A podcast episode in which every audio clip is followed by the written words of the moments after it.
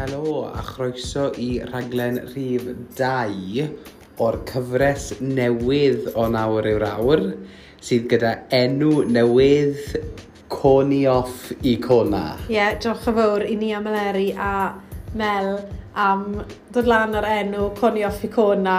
So, dydd diwrnod 2. David, mae wedi bod yn diwrnod hir. Ble dechreuodd y dydd heddi? Dechreuodd i yn Heathrow, do fe mae fe'n teimlo nawr fel diwrnodau yn ôl.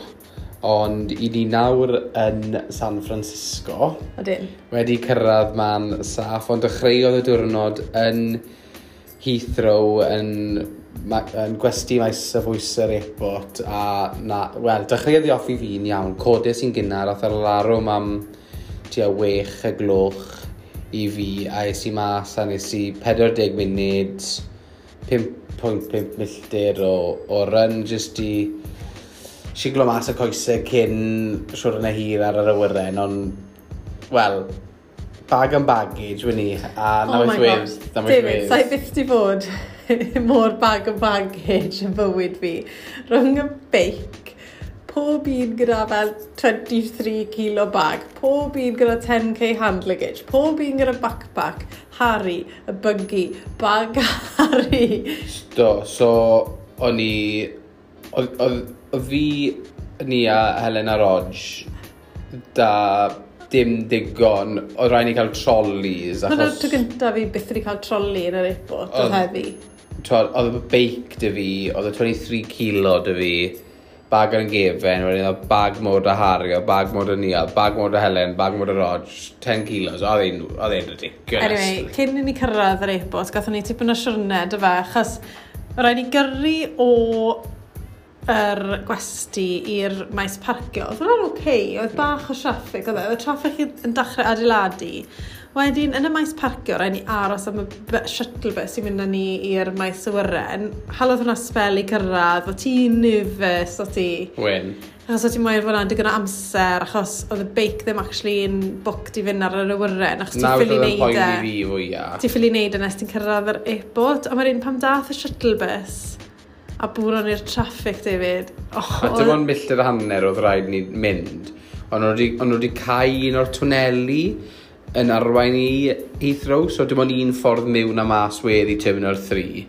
A cymerodd i ni uh, 45 munud i ni milltir a hanner. So, a sy'n mynedd y fi anyway, so chi'n lle imagino fi'n edrych ar y cloc, heb cael brecwast, becso beth i'r beic yn cael ei checo mewn.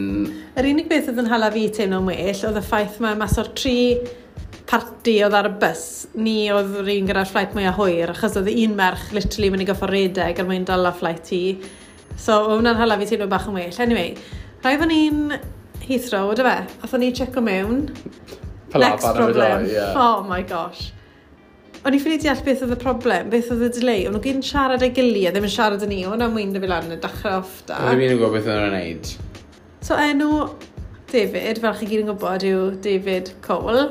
A enw tad David yw David Roger Cole, a oedd hwn yn, oh well, just absolutely wedi confuso nhw bod big problem da'r system, bod nhw'n pallu gadael doi person gyda'r un enw, yn yr un booking, ar yr un flight. Wel pam, mae David a Roger wedi hedfan gyda'i gilydd yn yr un booking am y last 34 years.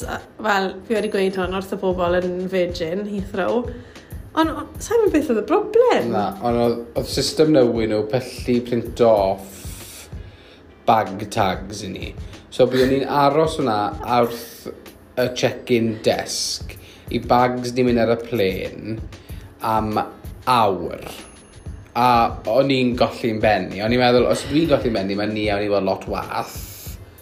Ond... Uh, goffon yn, yn y diwedd gethon ni'r bag tags goffon nhw'n neud e'r e'n manually. Sa'n gwybod siwt wnaethon nhw e'n diwedd. Ond cymerodd hwn ni mlaen... Ond rhwng y dyleu well, gyda traffic a nawr awr ychwanegol ma... Ond i ddim yn hedfan nes hanner awr wedi deuddeg. Ond rhwng y traffic, o'n i wedi gadael um, y gwesti am 8 y gloch. Erbyn hyn, erbyn amser ni wedi cyrraedd yr eip, o'n i'n gobeithio cyrraedd na a bod mewn hanner awr wedi 8 sit down, cerdded rownd Heathrow, brecwast fach teidi, neud y fwyau, dim stress. Ond efo'r amser oedd hwn i gyd wedi digwydd, o'n i literally true, true security a cerdded straight mlaen y blaen. So, Wedd oedd e'n ridiculous. So, oedd hi ddim yn ideal oedd hi. Ond na fe, y peth pwysica yw bod ni wedi gyd wedi cyrraedd ar yr awyren mewn amser, bod y bags i gyd ar yr awyren a bod y bags i gyd wedi cyrraedd ochr arall. Oedd y flight i unan wedi gadael tua hanner awr yn hwyr, ond oedd e ddim, twyd, no disasters. Oedd, oedd e'n deg awr o flight, drian a hari, mae'n amser hir i fod yn cwel bobl. I mean, gath e dwy awr o nap i ddechrau da, so hwnna'n gwybod, dwi'n gath e fwyd, oedd e hapus. Ond fel dath i i fel saith y gloch y nos gytre, fel arfer mae'n mynd i gysgu, so ni'n treial cael ei mynd ôl i gysgu, ond jyst pallodd e'n llwyr. Oedd gormod mewn mlaen oedd e. Oh. Busnes yn bob man, cleimo o'n i a i fi, Helen, a nôl. Oedd e just... Oedd e'n dreigio, i fi gweud y gwir, oedd e. Alla mae sawl gwaith, bydde rhai o chi sy'n rieni yn gallu cyd-ymdeimlo dy hwn, ti'n meddwl, oh, mae fe'n cysgu mewn cysgu. A wedyn, all of a sudden, oedd y pen yn codi lan, oedd e'n tynnu na nôl lan i'r drad, a ti'n meddwl, o, oh, ble mae'r boi ma'n cael egni o? Mae ma mynd â plant, plentyn ifanc ar y wyren yn brofiad ni hunan, oedd e? Ni wedi gwneud yr Harry sawl gwaith, a oedd hwn yn fflaith yn, yn hirach na arfer, a oedd e yn briliant yn oedd e, ti'n modd, oedd e yn... A di gael long day. Oedd e, ma, ma wedi bod yn arbennig, a so, dim yn unig yr fflait i hunan, ond er, fod yn yr airport, fod yn stuck ar y bus am beth i fod awr cyn cyrraedd y maes awyr. Mae fe a mynd ar y bus o San Francisco i'r gwesti'n San Francisco, ti'n mae fe gyd yn adol lan a war y teg iddo fe. Nath e o'r diwedd cwmpo i gysgu, a bydd yn gweithio mas fel hanner awr i doi o bore gyda pan yeah. oedd e gysgu. So, sa'n sa gwybod siwt mae fe'n neud i, sa'n gwybod siwt mae mae staying power oedd well na i fi, anyway. Ond... Uh... Fi jyst wedi edrych ar y world clock, David. Mae'n 20 munud i 4 yn y bore gytre. So, on that note, dwi'n credu stopwn yeah, i well, ni wedi cyrraedd San Francisco, ni yn y Hilton Hotel. Mae ni newydd bod lawr, ni, fi'n gwybod mae'n 20 to 4 gytre, ond mae'n 20 to 8 mas ma.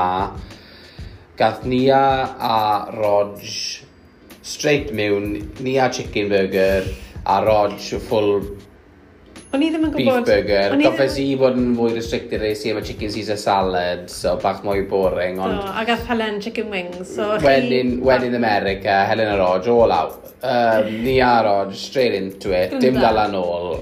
In my defence, o'n i ddim yn gwybod mae chicken um, burger wedde, achos BLT fydd yn gweud ar y menu. O'n i'n jealous, oedd y brioche bun yn edrych yn clas. Oh, Bys i'r gym dy fe'n gloi ar ôl cyrraedd a wneud workout. yn just siglo'r coesau mas to am Peth arall hanner awr, digwyddodd. stretcho. Yn gyda'r flights gyda cwmnïau American ma, chi ffili check mewn ys 24 hours cyn ni, a ma'n ma nhw'n gweud, o, jyst ni'n ewch yn yr maes o wyren.